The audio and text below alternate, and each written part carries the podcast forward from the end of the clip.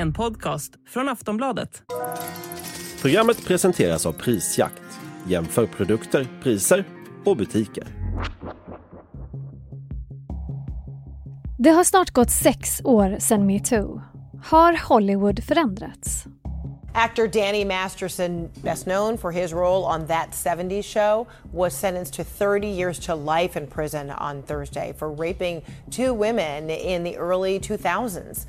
It was the maximum sentence the court could give for the crimes. A woman who has accused British comedian and presenter Russell Brand of sexual misconduct has described his response to the allegations as insulting. Mr. Brand posted a video denying any wrongdoing hours before claims of rape and sexual assault were published by British news outlets. Metoo-rörelsen var en jordbävning som drog med sig många i raset. Så även i Hollywood, där anklagelserna och rättegången mot mogulproducenten Harvey Weinstein blev något slags epicentrum. För några veckor sedan fick skådespelaren Danny Masterson, känd från serien That 70s Show, 30 års fängelse för att ha våldtagit två kvinnor. Men fokus efter domslutet hamnade på hans gamla kollegor Mila Kunis och Ashton Kutcher som skrivit brev till domaren om Mastersons goda karaktär. We are aware of the pain that has been caused by the character letters that we wrote on behalf of Danny Masterson. The letters were not written to question the legitimacy of the judicial system or the validity of the jury's ruling. Samtidigt väcks anklagelser mot brittiske skådisen Russell Brand som anklagas för övergrepp och våldtäkt på flera kvinnor. Och nyligen hade dokumentären om komikern Louis CK och hans sextrakasserier premiär samtidigt som Louis CK själv gjort storstilad comeback. Hur förs debatten om de här ämnena i Hollywood nu? Har något blivit bättre eller bevittnar vi en backlash? Det ska vi prata om i dagens Aftonbladet Daily. Jag heter Olivia Svensson. Gäst i avsnittet är Magnus Sundholm som är Aftonbladets utsända i Los Angeles och han får börja med att berätta hur Hollywood har reagerat på Danny Mastersons dom. Alltså det blev ju en otrolig uppståndelse kring det här målet eftersom det pågått så länge och det krävt två rättegångar. Jag vet inte om folk har fått med sig det men den första slutade ju med en oenig jury och så fick den tas om igen. Extra intressant såklart blev ju målet eftersom Masterson är scientolog och kyrkan drogs in i det här och beskylldes för att ha hindrat de tre kvinnorna från att först gå till polisen.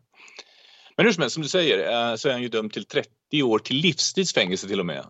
Men än är det inte över. Snart så börjar faktiskt en rättegång i ett civilmål när de här kvinnorna som anklagade honom för våldtäkt har stämt honom och så den här sekten för att ha utsatt dem för trakasserier och hot. Så det sista kapitlet i den här historien tror jag inte är färdigskrivet. Och vi ska också komma ihåg att han, Masterson har ju faktiskt överklagat det här och det finns en möjlighet att slutet kommer att kunna ändras. Även om det verkar lite långsökt just nu. Men se bara på vad som, kom ihåg Bill Cosby som nu är fri igen tack vare en teknikalitet um, i ett mål som faktiskt rörde långt över 50 kvinnor. Det har också skrivits ett kapitel i den här historien som handlar om eh, skådisparet Mila Kunis och Ashton Kutcher. De skrev ju så kallade karaktärsbrev till domaren i Mastersons favör. Och det har det blivit väldigt mycket uppståndelse kring. Kan du berätta lite om det här? den här Mila Kunis och Ashton Kutcher-historien är ju en härva av sällan skådat slag. Alltså det är ett praktexempel på hur man gör bort sig. Jag tror faktiskt att krisexperter och medierådgivare kommer att kunna använda det här fallet i utbildningssyfte i lång tid framöver. Nu har, de, nu har de ju gått under jorden efter den här ursäktsvideon som de la ut och, och det var kanske lika bra för jag vet inte om någon har blivit så utskälld som de blev när de Eh, i det här brevet till domstolen hyllade Masterson som en positiv kraft i deras liv, jag citerar, och i stort sett gick i god för honom på alla fronter. Så med facit i hand var det ju otroligt pinsamt att läsa och tajmingen de här breven avslöjades ju bara dagen efter domen var den absolut sämsta tänkbara. Och sen var det någon slags regisserad ursäktsvideo som du nämnde här. Vad hände efter den? Ja, den här, den här ursäktsvideon fick ju mots, motsatt effekt. Det blev ju liksom, de, de försökte liksom säga att ja, men vi pratade bara om honom som kompis och hur vi kände honom på den tiden. Men det var ju, tajmingen var ju extremt dålig och sen, sen kostar sånt här på då eftersom deras fiende fick ju vatten på kvarn på något sätt eller de som har haft något ont, i, ont, ont liksom de som har haft något ont mot dem då. Så det har ju dragits, det har ju dragits fram andra synder i ljuset. Det var ju Sharon Osbourne gick nyligen ut och kallade Ashton Kutcher den mest oförskämde kändisen hon någonsin träffat. Och sen kom det en annan rapport eh, som avslöjade Kutcher som sexistisk när den vittnade om gamla kommentarer som han hade fällt när han jobbade med den här tv-serien då, som Masterson var med i, The 70s Show. Och så försökte de liksom tona ner kritiken mot dem själva genom att hävda att det var inte meningen att deras rekommendationsbrev till domaren skulle bli offentliga. Mm. Och det gjorde ju bara grejen än mer pinsam på något sätt. Du nämnde att de hade fått gå under jorden nu, alltså Tror du att deras respektive karriärer och anseenden kommer att ta långvarigt stryk av det här? Är det så illa?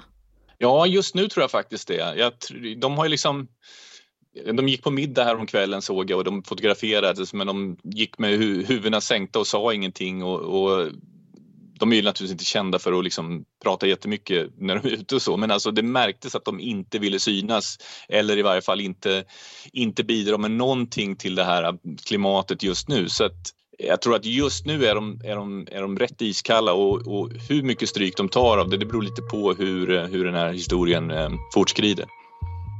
Hur ser samtalet om sexuella trakasserier och övergrepp ut i Hollywood idag? Det ska vi prata om när vi är tillbaka efter den här korta pausen.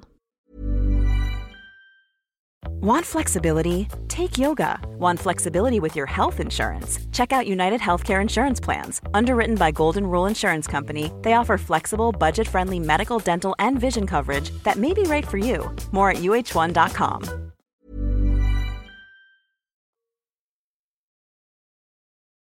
Jag tänkte på det att det har gått snart sex år sedan metoo och eh, den här enorma Harvey Weinstein-skandalen. Hur färskt är det i minnet i Hollywood, som du ser det? Jag tror inte Weinstein kommer att glömmas på någon generation än. Det, det, eller han är fortfarande ett öppet sår för väldigt många kvinnliga skådisar i Hollywood alla har såklart inte trätt fram även om väldigt många gjorde det. Sen, dessutom tror jag att en rad män fortfarande lever i rädsla för att deras övertramp ska komma ut. Sen tror jag inte liksom att man pratar så mycket om Weinstein som person utan det är liksom mer om den, under, det är mer om den era under vilken han regerade i Hollywood om man säger så. Då. För han gjorde ju verkligen det, han regerade verkligen. Han var liksom the kingmaker. Han var den som kunde få en skådis att vinna en Oscar. Um, han, hade, han hade den fingertoppskänslan och framförallt hade han marknadsföringskrafterna. Det sägs då liksom offentligt nu då, att det är andra tider nu men om de faktiskt har förändrats och om det här beteendet är över, det beror lite på vem man pratar med. Jag tycker att sitter man på en tillställning någon kväll med folk i branschen som, som vågar prata öppet och, och off the record så kommer det, of, så kommer det ofta historier om liksom den och den har gjort så och så och han har gjort det eller hon har gjort det eller alltså ja, jag tror inte man be behöver gräva så djupt för att uh, hitta, hitta fler sådana här stories. Känslan är att det här är saker som fortfarande fortgår och det har kanske inte blivit så stor förändring. Är det det du, du tänker på? Ja, det är det absolut. Ja, det, har, det, har blivit en förändring och det är positivt i, i, i det att eh, kvinnor idag vågar träda fram och säga ifrån på ett annat sätt än tidigare. Så det är positivt. Men att den här sortens beteende som har pågått i årtionden helt ska gå att utplåna, det tror jag faktiskt är lite naivt. Vi, vi, vi pratar liksom om en bransch där man där väldigt många är beredda att göra väldigt mycket för att få en chans att synas. Och då är det lätt att folk utnyttjas och missbrukas. Ja, en annan nyhet som har kommit nu den senaste tiden är ju den brittiske skådespelaren Russell Brand som anklagas för våldtäkt, övergrepp, misshandel av fem olika kvinnor. Hur har den nyheten tagits emot i Hollywood? Det var väl ett tag sedan han var aktuell just där? Exakt, och det är, det är en bra poäng du gör. Nyheten blev extremt stor när den först kom, men det var liksom som en ballong som blåstes upp fort och sen, och sen tappade luft väldigt, väldigt snabbt. Och det tror jag har att göra med att Brand inte längre är här, att han, att han numera håller sig i England. Sen var det en annan faktor också som jag funderar lite på som jag tycker är rätt intressant och det är att när sånt här inträffar så politiseras det ofta. Speciellt i USA tycker jag.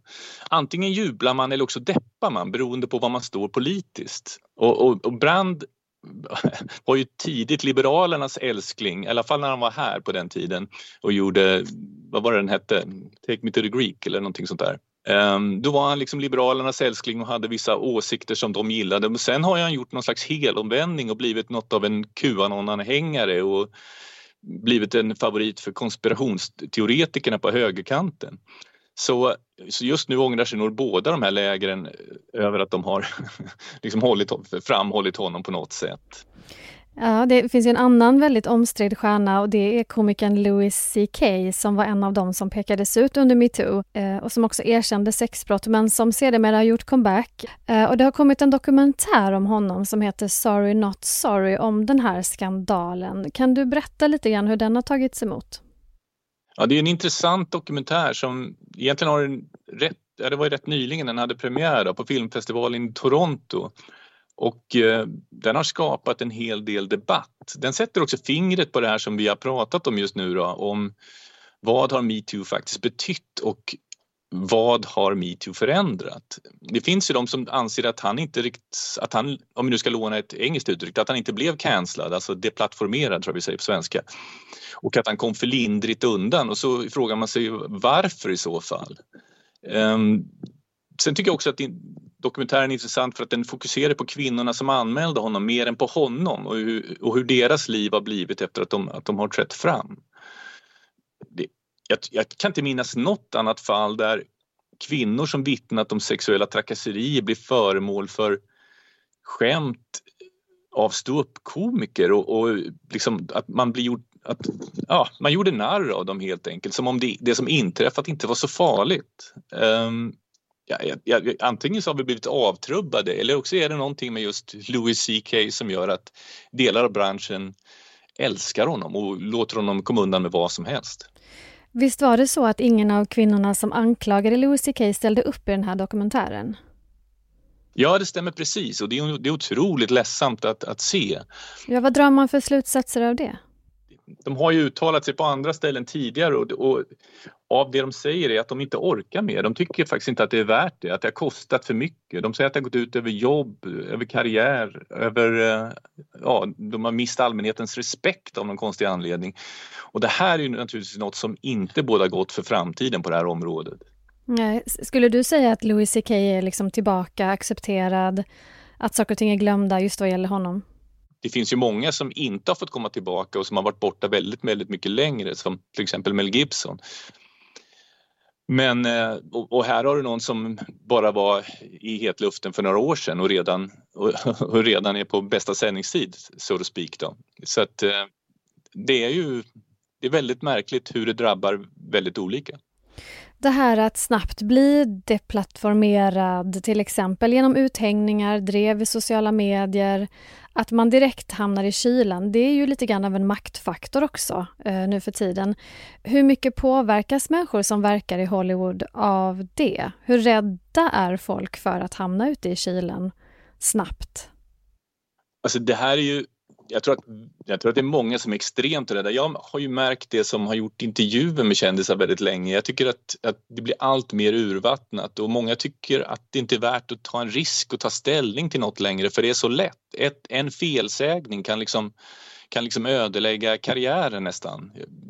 De, de överdriver säkert lite grann när det gäller faran men, men ibland känns det verkligen så. Eh, det var faktiskt George Clooney som sa det vid något tillfälle om varför han inte är på sociala medier han sa det liksom att ja men tänk om jag går ut någon kväll och så dricker jag lite grann och så kommer jag hem och så sätter jag mig vid datorn och så skriver jag någonting och sen vaknar jag och hela helvetet har brutit löst liksom. Det, han tycker inte att det är värt det. Det, ju, det, det får ju extrema följder och det kan, det kan döda karriärer. Um, nu verkar det faktiskt som att många tycker att metoo har gått väl långt. Och det kan låta lite sjukt kanske men när metoo började så handlade det om våldtäkt, sexuella övergrepp och, och maktmissbruk. Men efterhand så utökades det till liksom att ja, det sägs att det utökades till att ödelägga folks liv som bara kommit med en kommentar, jag säger bara inom, in, inom citationstecken, med, med en kommentar eller, eller, eller misslyckat stötande då. Det är faktiskt så att till och med kvinnor i Hollywood har ifrågasatt om den här trenden inte gått lite väl långt. Jag vet inte om du såg det, men för, för några dagar sedan så var det Jennifer Aniston som gav något uttalande i en intervju där hon undrade hur länge en så, här, en så kallad deplattformering skulle gälla. Och sen så frågade hon, finns det ingen förlåtelse alls? Och det tyckte jag var rätt, det tyckte jag var rätt, rätt intressant. Hur länge, ska det, hur länge ska det gälla? Hur länge ska en, en sån här överträdelse eh, straffas? Om du ser framåt på samtalet i Hollywood om sexuella trakasserier och övergrepp, du säger att det är lite splittrat. Eh, en del tycker att det går för långt, en del kämpar förstås för att ha en bra arbetsmiljö där allting ska vara som det ska vara. Vad tror du, hur tror du att samtalet kommer att se ut framåt? Jag tror att metoo kommer att fortsätta vara starkt och jag tror att man kommer utåt att, att försöka hålla masken om du förstår vad jag menar. Alltså att, att man, man, man kommer att vara väldigt försiktig med vad man säger och vad man gör i, i offentligheten. Men precis som tidigare så tror jag att det, mörkertalet kommer att fortsätta vara stort. För som jag sa tidigare, en roll kan förändra någons liv. Och är man nykomling i Hollywood och inte har många alternativ till att försörja sig eller eh, inte vill ge upp ge upp drömmen om, om, om att slå så då är man väldigt sårbar och väldigt lätt att utnyttja. Så eh, som sagt, the casting couch som den kallades en gång i tiden har funnits sedan Hollywoods sen Hollywood började och jag är rädd att den kommer att finnas väldigt länge än. Då sätter vi punkt där. Tack Magnus. Ja, tack själv.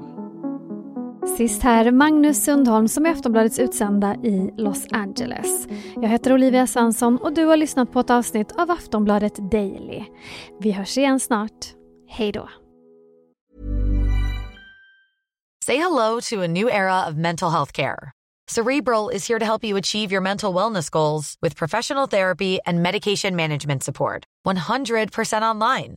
You'll experience the all new Cerebral Way, an innovative approach to mental wellness designed around you. You'll get a personalized treatment plan from a therapist, prescriber, or both in a safe and judgment free space. Your cerebral therapist or prescriber will outline a customized plan with clear milestones along the way so you can get to feeling your best. With Cerebral, you're not alone in your mental health journey. We're here to empower you to live a fulfilling life. So take that first step towards a brighter future and sign up today at cerebral.com slash podcast and use code ACasts to get 15% off your first month. Offer only valid on monthly plans. Other exclusions may apply. Offer ends July 31st, 2024. See site for details.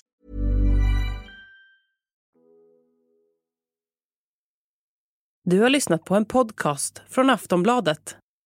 Ansvarig utgivare är Lena K Samuelsson.